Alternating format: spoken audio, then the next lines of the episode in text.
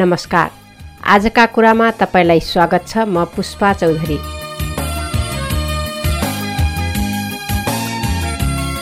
आजको कुरामा हामी विभिन्न मानिसका भोगाई उदाहरणीय काम र समसामयिक विषयमा कुराकानी गर्ने गर्छौँ। यो कार्यक्रम हरेक दिन बिहान साढे छ बजे रेडियो गुरुबाबा एफएम उनानब्बे दशमलव सात मेगा हजबाट प्रसारण हुने गर्छ। आज हामी सार्वजनिक कामीको अनुभव भोगाई र उहाँको सफलताको विषयमा कुराकानी लिएर आएका छौँ। उहाँ को हुनुहुन्छ त? सार्वजनिक कामी उहाँको परिचयबाटै सुरु गरौँ।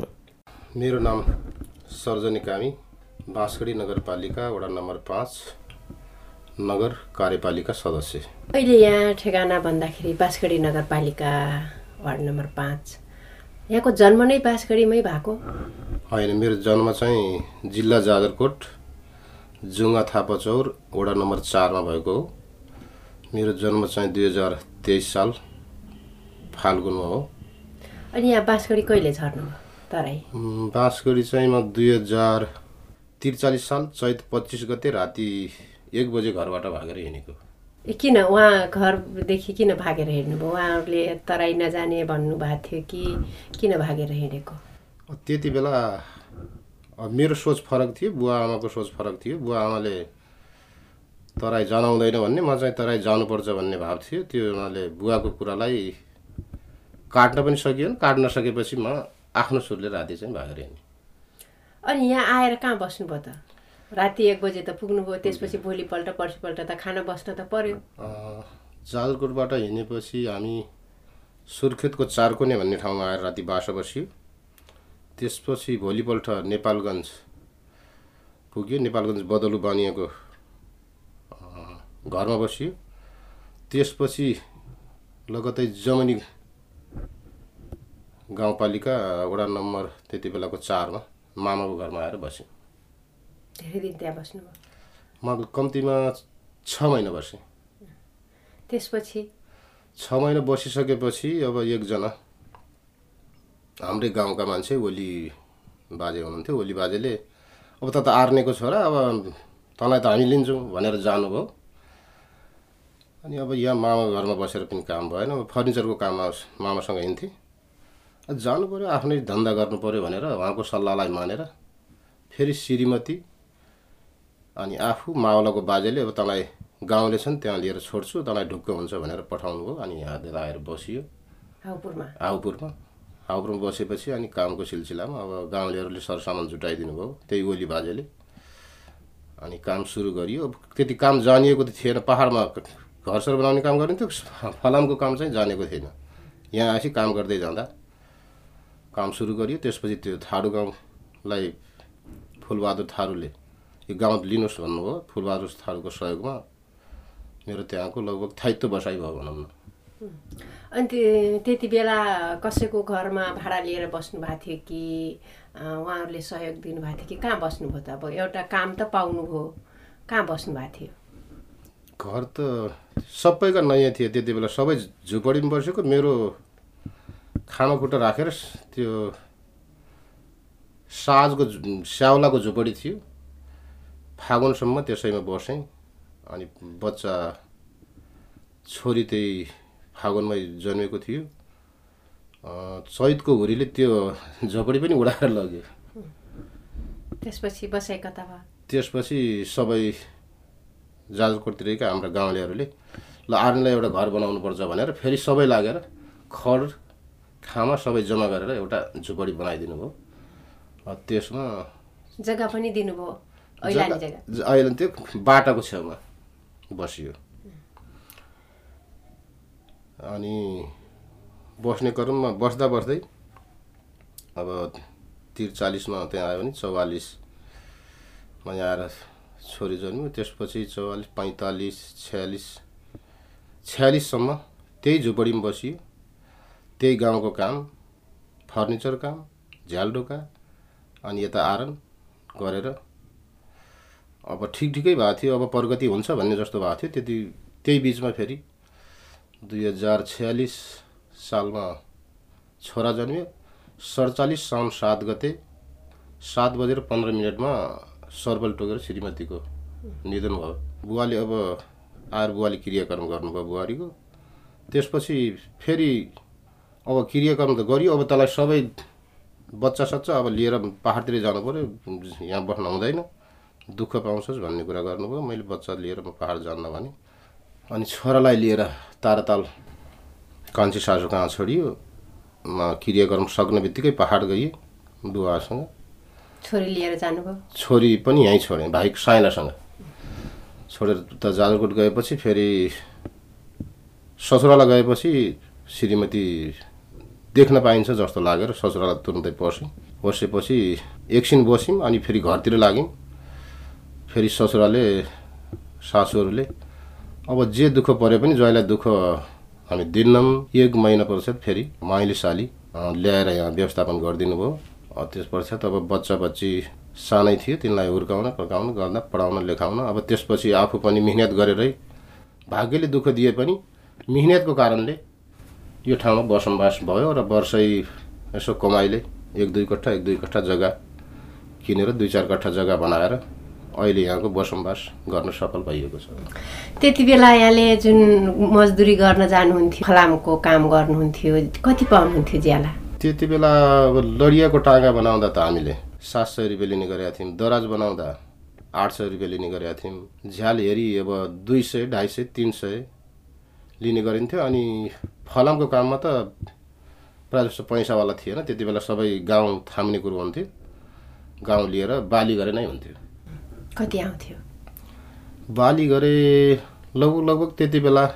एक घरबाट अहिले अहिले एक घरबाट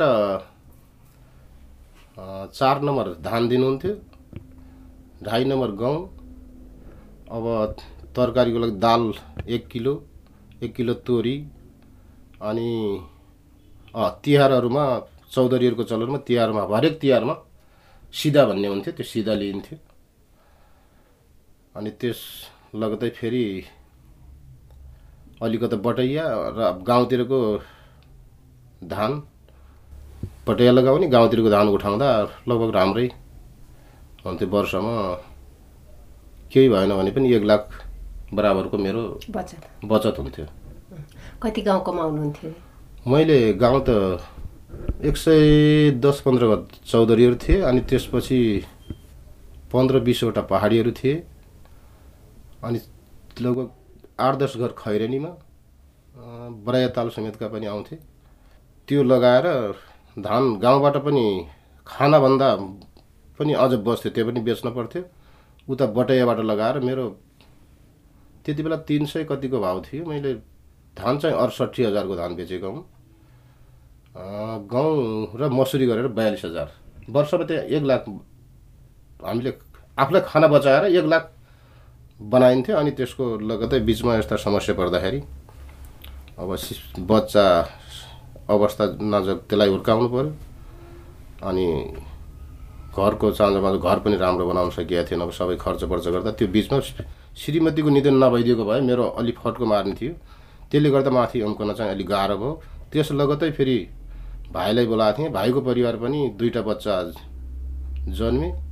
दुईवटा बच्चा जन्माउने बित्तिकै एघार दिनको बच्चा थियो। बुहारी फेरि साली नै हुन् मेरो। त्यो सालीको पनि निधन भयो। त्यसपछि त्यो बच्चालाई हुर्काउनु। भाइका दुईवटा बच्चा आफ्नो बच्चा हुर्काउँदा मैले सम्पत्ति जोड्न चाहिँ सकिनँ। अब परिवार पाल्ने आफ्नो खर्च पर्च चलाएर पनि वर्षमा लगभग एक दुई कट्ठा फेरि थपिहाल्थेँ म। तर अहिलेको हकमा अलि त्यति अब कमाइ गजाइ गर्न सकिएको छैन। आफ्नो पारिवारिक बटैया गाउँतिर गरेर खाना खर्च चाहिँ ठिकै छ। त्यति बेलाको हकमा मैले फड्को मारेको हुँ, आफ्नो मिहिनेतले बा आमाबाट त मैले घरबाट ल्याएको भनेको चालिस रुपियाँ र एउटा नेसनल रेडियो र एउटा श्रीमती। विवाह गरेको श्रीमती बुढाबुढी राति चाहिँ भागेका हुन् घरको सम्पत्ति ल्याएको भनेको चालिस रुपियाँ मात्रै हो। अनि यहाँले रेडियो किन छोड्नु भएन त? रेडियो चाहिँ मामाले जमनी बस्नुहुन्थ्यो। रेडियोको म बढी सोकी अब रेडियो बोकेर मामा जानुभएको थियो त्यो रेडियो चाहिँ मलाई चाहिन्छ भनेर मामाले दिनुभएको थियो। रेडियोको सोख भयो भने रेडियो नछोडेरै बरु पैसा चाहिएन रेडियो चाहिँ लिन्छु श्रीमती लिन्छु भनेर चालिस रुपियाँले जाजरकोटदेखि यहाँसम्म बर्दियासम्म पुग्नुभयो। पुग्यो। धेरै पैदलै। पैदल होइन पैदल हामी घरबाट राति हिँडेर त्यो सुर्खेतको पौँ भन्ने ठाउँमा आयौँ। त्यहाँ चाहिँ म त हिँड्न अझ सफलै थिएँ परिवार हिँड्न सकेन उसलाई भोग लागेछ। त्यो पुङको रानी म त भन्छ कि त्यो गाउँमा आएर गाउँमा खाना नमिल्ने अनि मेडमहरू सुर्खेतको डेरा गरी बस्नु रहेछ। उहाँहरूले खाना पकाइदिनु भयो अनि दुईजनाले दुईवटा खुराकको बाह्र रुपियाँ तिम्रो दुई खुराक त्यहाँ खाइयो। त्यसपछि चार कुनेमा एउटा गाउँले टोली फेला पऱ्यो तिनीहरूसँग बसेर खाइयो। त्यहाँदेखि भोलिपल्ट हिँडेपछि भोलिपल्ट लगतै हामी नेपालन्ज पुग्यौँ। त्यो चार कुनेदेखि नेपालन्ज आयौँ। त्यहाँबाट भाडा पच्चिस नै कति थियो भाडा कमै थियो त्यति बेला। भाडाको ठ्याक्कै याद भएन चालिसबाट पनि बचेको थियो अझै। दुई चार दिनलाई साबुन साबुन किन्नलाई साबुन किन्न चाहिँ भएन। आपतमै थियौँ साबुन किन्न त बचेन। तर एक दुई चार रुपियाँ यति कति बचेको थियो। खाना खाइयो खर्च पर्छ कहिलेकाहीँ यसो साबुनको लागि भनेर दिनुहुन्थ्यो। त्यो पनि अब त्यस्तो त्यति थियो। अब माउली बाजे त्यहीँ बस्ने। यो नातिको यस्तो समस्या देखेर मलाई सही भएन भन्नुभयो र। भनिराख्नुहुन्थ्यो ठ्याक्कै अब माथि हाउपुरबाट। भर्खरै झडेको उहाँहरू भर्खरै म झडेको मेरो त अवस्थै नै। उहाँहरू पनि नयाँ झडेको उहाँहरू पनि अवस्था गम्भीरै थियो। त्यही पनि उहाँहरूले बोलाउनु भयो सरसामान जुटाउने। अब मेरो बुवाभन्दा पनि अब तिनी भैँयार पुन्ने ओली भन्छन् तिनले चाहिँ मेरो बुवाभन्दा बढी सहयोग गरेको मान्छु। म अहिलेसम्म बिर्सिएको छैन। किनभने त्यस्तरी घरबाट निस्केको छु मसँग दाम छैन। मेरो जीवनलाई त माथि उठाउने भनेको उहाँको ठुलो हात भयो हुनाले म उहाँलाई अहिलेसम्म पनि सम्झिरहेको छु। यहाँ जाजरकोटमा हुँदा अब पेसा चाहिँ व्यवसाय फलाम पिट्ने नै गर्नुहुन्थ्यो। फलाम पिट्ने पनि घर बनाउने पनि काम गर्नुहुन्थ्यो। अनि दुइटै काम गर्नुहुन्थ्यो। दुइटा काममा फलाम पिट्नेतिर त्यो मेरो ध्यान भएन। घर बनाउने पनि पाहाडै पनि मैले दुईवटा घर दुई तले माथि ढुङ्गाको छाना चाहिँ तयार गरेँ। अनि त्यही घर बनाउने क्रममा घर बनाएर तयार गरेँ। घर बनाइसकेपछि तिमीलाई भन्दा त हामीले ढुङ्गा बोक्यौँ माटो बोक्यौँ यत्रो दाम किन मोल गर्ने? भनेपछि दुइटै घरमा मेरो तनाव भयो। यहाँ मजुरीको चाहिँ भाउ छैन यो ठाउँमा बस्दैन भने त्यस्तै त्यस्तै थुप्रै तनाव। घरबाट पनि मेरो बाहिर आउने तराई झर्ने सो अनि कामको सिलसिलामा पनि मजुरी गर्दा पनि आफूले गरेको मोल चाहिँ जसले जो घरवाला छ उसैले मोल गर्नुपर्ने। हामीले गरेको दाम चाहिँ नपाउने। पछि यहाँ मेरो भाउ छैन मैले केही गर्न सक्छु भनेर म घरबाट निस्केँ। पढाइ लेखाइ अवसर त पाउनुभयो पढाइ लेखाइ अवसर पनि मैले अब त्यति बेला पाँच सात क्लासमा पढ्दाखेरि मेरो फिस चाहिँ बुवाले जिमालका छोरा त पढेका छैनन् बाबु। अन्त कहाँ जागिरी खालास? भन्ने फिसै नतिर्दिने फिस तिर्नु पर्थ्यो महिनाको दस रुपियाँ। चार महिना भइसक्यो फिस तिर्दिनु भएन अनि गोविन्द सर हुन्थ्यो पर। उहाँले पछि नाम काटिदिन्छु भनेर धम्काइराख्ने अनि त्यसपछि म विद्यालय पनि गइनँ फिस तिर्न नसके। फिस तिर्न नसकेर। तिर्नै नसक्ने अवस्था त फिस तिर्न सक्ने अवस्था भएको हो। र पढ्दैन आँखा देख्ने भइसक्यो अब योभन्दा चाहिँदैन भन्ने। फिस नतिर्दिएर विद्यालय छोड्न बाध्य भयो न त विद्यालय छोड्ने मेरो मनसाय थिएन। त्यति बेला अब चिठी पढ्न जानेपछि लेख्न जानेपछि पुग्यो। हजुर हजुर। त्यति त्यति बेलाको स्वभाव अब ल आँखा हेऱ्यो यसले त अब चिठी पत्र पढ्छ त्यति बेला पुग्छ हामीलाई। हाम्रो घरमा यस्तो मान्छे तयार भएपछि योभन्दा के चाहियो भन्ने? हाम्रो जातमा अहिलेसम्म चेतनाको त्यति जागरुक छैन भने त्यति बेलाको अवस्थामा त अलिअलि आँखा देखे पनि पुग्यो भन्ने। अनि पराबेरी स्कुलमा पढ्न जाँदा ए तिमीहरू त नपढे पनि हुन्छ। कामीका छोराहरू भैँसीको मासु खाने के के खाने? भन्ने विद्यालय टिचरहरू पनि त्यस्तो गिजाउने गर्नुहुन्थ्यो पर त्यो प्राविमा तर माथि माविमा जाँदाखेरि सरले त गर्नुभएको। अब घरको प्रयास समस्या अब बाबाआमाले त्यस्तो नबुझिदिएर शिक्षाको क्षेत्रमा मेरो अलि मेरो जुन चाहना थियो मैले जुन गर्न सक्थेँ त्यो चाहिँ बाबाबाट बुझाइ भएन। चेतनाको समस्याले गर्दा मेरो पढाइ बिग्रियो। अनि उहाँ जाजरकोट हुँदा त विद्यार्थी जीवनमा यहाँको राजनीतिकतिर त थिएन। थिएन थिएन। कसरी यहाँ आएर बर्दियामा राजनीतिकतिर लाग्नुभयो त? यहाँ बर्दिया पनि फेरि आफ्नो घरबार छैन केही छैन। एउटा फलाम पिटेर गुजारा चलाइरहेको मान्छे कसरी राजनीतितिर लाग्नुभयो त? बर्दिया आइसकेपछि छयालिस चौवालिस सालमा हो कि कता हो। एकजना हाम्रो टिचर हुनुहुन्थ्यो जाजरकोटी। उहाँले अब पार्टीमा लाग्नुपर्छ साथी हो यो बाहिर हल्ला गर्नु हुँदैन। मोटो पातलो मसाल भन्ने थियो। त्यसको चाहिँ एउटा सदस्यता लिएर बसियो। त्यसपछि त्यो लिइसकेपछि अब हल्ला नगर्नु सदस्य चाहिँ भइयो है भन्ने कुरामा त्यत्तिकै बसी अनि त्यसपछि लगत लगतै यो त्यति बेला त खुलेर पनि राजनीति गर्न पाइँदैन थियो एकदम लुक्न पर्ने थाहै नदिनु पर्ने त्यो रसिद पनि घरको परिवारलाई समेत नदेखाएर अलग राख्नु पर्थ्यो। अनि त्यस्तो त्यस्तो गर्ने क्रममा अब अलि गर्दै जाँदा पैँतालिस छ्यालिसतिर त अब छयालिसमा। ल अब त खुलेरै गर्ने भनेपछि अब के गर्ने त भन्दाखेरि त्यति बेला माले र एमाले एमाले गएको थियो कि क्या हो त्यो झ्याप्पै मैले बिर्सेँ। अनि अब एमालेतिरै सदस्यता लिएर लाग्नु पऱ्यो भनेपछि राजनीतिमा त्यो बेलादेखि नै सक्रिय भएर लागियो। घरको काम पनि गर्ने अब केही लाग्नु पनि पर्छ। नलाग्यो भने कसले गरिदिन्छ हाम्रो? हाम्रो कुरामा उठाउने त मान्छे छैन। भन्ने भावले नै अब जानी नजानी राजनीति गर्नुपर्छ भनेर लाग्यो। अब अहिलेको हकमा नयाँ प्रा प्रविधिहरू आछ अब त्यो नजाने पनि अनुभवको आधारले राजनीति गर्नुपर्छ भनेर आफू थोरै जानकार भयो भने अरूलाई अझ धेरै जानकारी दिन सकिन्छ भन्ने जस्तो आफूलाई अनुभव हुन्छ। अनि यहाँले राजनीति गर्दै जाँदाखेरि आफ्नो अब घरतिर पनि त केही असर पर्छ होला। कसरी म्यानेज गर्नुभयो त्यति बेला? अझै पनि अहिले पनि त राजनीतिकमै हुनुहुन्छ। त्यति बेला त खासै त्यति चुनावको दौरानमा दौड्नुपर्ने बिचबिचमा अब सङ्गठनका बैठकहरूमा जानुपर्ने धेरै दौडधुप गर्न चाहिँ पर्दैन थियो। घरमा पनि म्यानेज हुन्थ्यो र बाहिर पनि राजनीतिमा ठिकै हुन्थ्यो। अब अहिलेको हकमा त थोरै अलि बढी जागरुक भएर लाग्नुपर्ने अवस्था छ। घरमा त्यति घरको अवस्थालाई अलिक काम सहयोग गर्न चाहिँ सकिएको छैन। गर्न चाहिँ गरिन्छ। तर जति गर्नुपर्ने थियो त्यति चाहिँ अहिलेको अवस्थामा गर्न सकिएको छैन। यहाँहरूको छोराछोरीलाई पढाइ लेखाइ के छ? कति छ?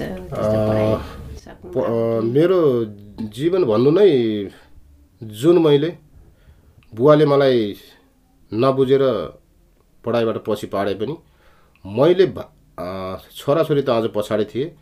भाइ बहिनीदेखि लिएर पछाडिको सबैलाई माथि उठाउँछु भनेर भाइलाई बोलाएँ कान्छालाई।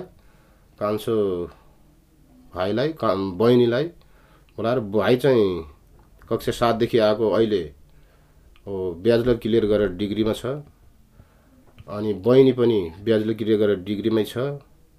अब छोरा जेठो मेजर इङ्ग्लिस लिएर बाह्र पास गरेको छ। कान्छ छोरा पनि मेजर इङ्ग्लिस लिएर बास बाह्र पास गरेको छ। छोरीलाई पढाउन सकिएन छोरीको हकमा। पढाइको कुरामा मैले त अरू आफ्ना छोरा भाइभन्दा पनि इष्टमित्रका बच्चाहरू पनि ल्याएर मेरा घर छोडिदियो पढ्नुपर्छ। नपढी उपाय छैन। पढ पढाइ बिना मान्छेले केही गर्नै सक्दैन भनेर कोही साला हुन् चाहिँ कोही मामाको छोरा फुपूका छोरा त्यस्तालाई पनि बसालेर यहीँ बस खाना लाउनको केही चिन्ता छैन। फिसको पनि चिन्ता नम्बर तर तिमीहरू पढ। भनेर ती पनि अहिले सम्झिराखेका छन् उनीहरू पनि भाइ साला फुपूका छोराहरू तपाईँको योगदान छ हामी यहाँ यसो गर्न सफल भयौँ। भन्छन् शिक्षाको आफू पीडित भए पनि पछाडिको पिँढीलाई जति उठाउनु पर्ने हो त्यति त उनीहरूले नगरिदिएर मैले उठाउन सकिनँ। नत्र उनीहरूलाई माथि उठाउँछु भन्ने सोचका साथ अहिले मेरो कामको सिलसिला जोत्न चाहिँ मैले न जाजरकोट हुँदा जोतेँ न बर्दिया आउँदा हलो समाते सोध जोतेकै छैन। मेरो काम भनेको अब त्यही फलाम पिट्ने अनि यही झ्यालडोकाहरू पहिला त लडिया चल्ने हुँदा लडियाको चक्काहरू टाँगाहरू बनाउनु पर्थ्यो। अहिले ठ्याम्मै भन्नुपर्दा झ्यालडोका पनि बनाउने काम अलि ढिला भयो। अहिले सकिन्न यो स्वास्थ्यलाई अलिकति समस्या भएर। अब आर्नको काम चाहिँ गरिराखेको छु। यता आर्नको काम पनि गरेको छु उता थोरै बटाइ भए पनि अब त्यसरी खानाको गुजारा चाहिँ आफूले मिहिनेत गरेर बनाएको छु। अनि राजनीति पनि गर्दैन? राजनीति त अब यो पहिलेभन्दा अहिले नसा भयो। अब यो गर्नुपर्छ। आफूले नगरे अरूलाई सहयोग गर्न सकिन्न आफूले नबुझे अरूलाई भन्न सकिन्न। भन्ने भाव बढी जागेर अहिले चाहिँ अझ सक्रिय भएर लाग्नु पर्ला जस्तो छ। यहाँले यसरी समाजमा काम गर्दै जाँदा आफूले सोचे अनुसारको जस्तै हामीले जुन तरिकाले चाहन्थ्यौँ पछाडि परेको वर्गहरूलाई केही उठाउनु पर्छ भन्ने कुरा त्यस्तो भइरहेछ कि के देख्नुहुन्छ? अब यसलाई भइराखेकै छ भन्न पनि गाह्रो छ भएको छैन भन्न पनि गाह्रो छ केही केही भएको छ तर पूर्ण चाहिँ भएको छैन। पूर्ण हुन पनि यो समाज परिवर्तन गर्न टाइम लाग्दो रहेछ। अब एकजना सामाजिक काम गर्ने मान्छे परिवर्तन भएर संसारै परिवर्तन हुँदो रहेछ। यसमा सबैको बुझाइ सबैलाई बुझाउन सके परिवर्तन हुँदो रहेछ। अब यसमा अलि ठ्याम्मै गाह्रो घरै छ। जस्तै अब धेरै धेरै त यो हाम्रो अहिले जल्दो बल्दो विषय नै दलित जनजातिहरूको विषयमा उठिरहेको हुन्छ कुरा। तर अझैसम्म पनि यी दलित जनजातिहरू बुझ्न नसक्नु अथवा हामीले बुझाउन नसक्नु के देख्नुहुन्छ यसमा यसमा त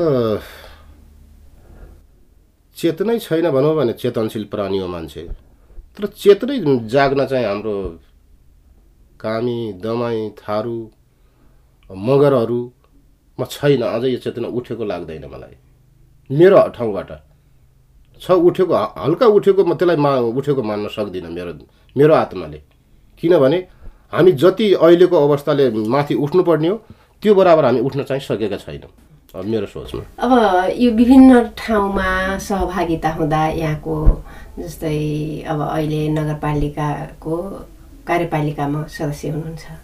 लगायत अब राजनीतिक दलमा पनि विभिन्न सङ्गठनहरूमा कामहरू गर्नुभयो सामाजिक कामहरू गर्नुभयो त्यति बेलामा जुन हाम्रो अन्य समुदायको सहभागिता हुन्छ त्यसमा दलित जनजातिहरूको सहभागिता हुँदाखेरिको हेराइ त्यो समूहको हेराइ कस्तो छ? अस्ति त्यस्तै अरू जातिलाई हाम्रो जुन नबुझ्ने जाति त्यसलाई हेराइ फरक छ। एउटा देखाउटी रूपमा लिएर त्यसलाई देखाउनको रूपमा ल उहाँलाई मानेका छौँ भन्ने किसिमको मात्रै छ तर हृदयदेखि चाहिँ उहाँहरूको हेराइ चाहिँ ठिक छैन। प्रतिस्पर्धा गर्न सक्ने त कुरै हुँदैन हामी पछाडि नै छौँ। हजुर। अब उहाँहरूको नै सोचाइ नै परिवर्तन भएको छैन जुन पहिले थियो नि लाद्ने के? लाद्ने आफ्ना कुरा लाद्ने प्रवृत्ति। त्यो चाहिँ परिवर्तन सबैको सहभागिता समान हुनुपर्छ भन्ने नै सोच उहाँहरूमा नभाव कि हाम्रो परिवर्तन नभाव अँ, यसमा परिवर्तन हुनको लागि त ठ्याक्कै परिवर्तन उहाँहरूको त हिजोको देखाउने रूपमा लादा लादिने प्रवृत्ति थियो। अहिले घुमाउरो पारामा। एकदम जुन सोचले गइन्छ जुन सोचले कुनै ठाउँको नेतृत्व गरिन्छ हिजोको जस्तै उही तपाईँलाई त एउटा ठाउँमा जिम्मेवार दिएछौँ है भनेपछि अब त्यसको कुरो काट्न भएन जस्तो सोच छ तर कुरा काट्नुपर्छ कुरा काटेर केही बिग्रन्न कुरा काट्दाखेरि के भइँदो रहेछ भन्दाखेरि यो त धेरै कुरा काट्छ। भनेर त्यो ठाउँबाट पनि अलिक फेरि साइड लाउने किसिमका यस्तो हुँदो रहेछ। अझै थिचो पहिलेकै अझै थिचोमिचोमा राखिराख्नुपर्छ। यिनीहरू त हामीले भने मान्ने बनाउनुपर्छ भन्ने सोच छ। जस्तै राणाकालमा गाउँ गाउँ विद्यालय खोल्यो भने हामीलाई भोलि मान्दैन भन्थ्यो त्यस्तै अहिले पनि यो प्रवृत्ति छ। यहाँले जुन अहिले गर्दै हुनुहुन्छ पुर्ख्यौली पेसा फलाम पिट्ने काम यो पेसाप्रति यहाँको के छ जस्तै? अब हुन्छ नि पेसा आ फलाम पिट्ने कामी काम। नगर्ने भन्ने जुन अब अलि युवा पुस्ताहरूलाई दुई चार क्लास पढ्यो भने त्यो व्यवसाय नै छोडिदिने। बरु विदेश जाने घरमा सिकिरहेको आफूसँगको सिप चाहिँ प्रयोग नगर्ने। त्यस्तो छ कामको पनि सम्मान छैन। यसलाई यहाँले कसरी हेरिराख्नु भएको छ? यसलाई मेरो लागि त भाग्यै मानेको छु। किनभने मैले सिप थियो र मेरो बास भयो। म यहाँ अहिले यहाँसम्म पुग्न सफल भएँ। सिप बिना मान्छे बाँच्न सक्दैन। भनेर नै मैले छोराहरू पढ्दैछन् तिमीहरू यता पनि बस्नुपर्छ काम गर्नु काम सिकेर केही बिग्रिन्न। काठको काम पनि गर्नुपर्छ। यता आरन पनि पिट्ने काम गर्नुपर्छ। मेरो हकमा फलाम कमाउने मान्छे त सलामै पाउँछ। यो सानो काम होइन बाबु यो ठुलो काम हो भन्ने सोच छ। फलामको कामलाई मैले अहिलेसम्म घिर्न चाहिँ गरेको छैन। सकेसम्म गर्नुपर्छ भनेर म लागेकै छु। अन्य बाहिरी काम पनि गर्नुपर्छ। तर जानेको काम त झन् छोड्नै हुँदैन। त्यस्तो जीवनमा यहाँले सबभन्दा खुसीको दिन कहिले आयो? मेरो खुसीको दिन भन्नाले खुसीकै छिन ठ्याक्कै आएको त ल एकदमै आज एकदमै राम्रो सफलता पाएँ भन्ने त्यस्तो। अहिलेसम्म ठ्याक्कै खुसी नै भयो भनेर आएको चाहिँ सफलता छैन। अब बरु रात? हजुर। दुःखको दिन? दुःखको दिन त अब श्रीमती बित्दा पनि दुःखकै दिन भयो। बुहारी बितेर भाइलाई बोलाएको थिएँ बुहारी बित्दा अब ती बच्चा बच्चीसँगलाई दुःखकै दिन भयो। अब सानोतिनो यसलाई समस्या के हो भने यो त गरेर जाने जति गर्न सके भयो। गर्न सकेन समस्या आइराख्ने विषय हो। मेरो विवेक जुन परिवर्तन गर्न जति सहयोग गर्यो मलाई त्यही सामुदायिक वन र त्यही सगुन केयर नेपालको सहयोगबाट अब अहिले त सबै सङ्घ संस्थाहरूले पनि थुप्रै कुराहरू दिनुभएको छ। तर मलाई उठाउने भनेको त्यही मेरो राजनीतिक क्षेत्रमा सामुदायिक वन जीवन चाहिँ उकास्ने भनेको मेरो त्यही आरण त्यही मेरो सिपले गर्दा म आज सफल भएको छु। सिप बिना मान्छे बाँच्नु सिप र शिक्षा चाहिँ अनिवार्य हुनुपर्छ। यो मेरो मान्यता छ। यहाँ अहिले धेरै सङ्घ संस्थामा आबद्ध हुनुहुन्छ। अब सानो किसान सहकारी संस्थाको सञ्चालक समिति सदस्य प्राचीन सृजनशील आदिवासी समाजको अध्यक्ष बाँसुरी नगरपालिका कार्यपालिका चाहिँ सदस्य। त्यो आबद्ध भएकै ठाउँबाट धेरै कुराहरू जान्ने अवसर पाइयो। अब यो प्राचीन रेडियो गुरुबाबामा ऊ चाहिँ धेरै वर्ष संस्थापकदेखि हालसम्म पनि छु। फागुनको एक गते जुन यो एफएमहरूको राष्ट्रिय भेलामा जाने अवसर पाइयो। त्यहाँबाट सञ्चार विषयमा पनि थोरै कुरा जान्ने पाइयो। जहाँ आबद्ध भए पनि त्यहाँबाट दुई चारवटा कुरा दुई चारवटा बुद्धि विवेकहरू यो आउँदो रहेछ। लाग्दाखेरि अवसर आउँदो रहेछ नलाग्दाखेरि अवसर आउँदैन भनेर म हरेक ठाउँमा सदस्य अध्यक्ष त्यस्तो बनेर बसेपछि यो त पदै मात्र लिने भयो भन्ने मान्छेहरू पनि थियो त्यो पद लिँदा मलाई खुराकको रूपमा सिकाइ भयो र थुप्रै कुरा बुझियो। हुन्छ हस् धेरै धेरै धन्यवाद सर्जनज्यू। यहाँको अहिलेको कार्यकाल सफल होस् यही छ शुभकामना।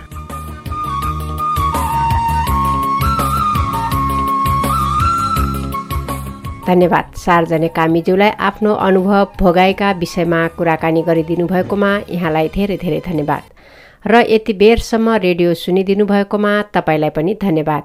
भोलि पनि यसै समयमा अर्को नयाँ व्यक्तिसँगको कुराकानी लिएर आउने नै छौँ। रेडियो सुन्न प्रयास गर्नुहोला।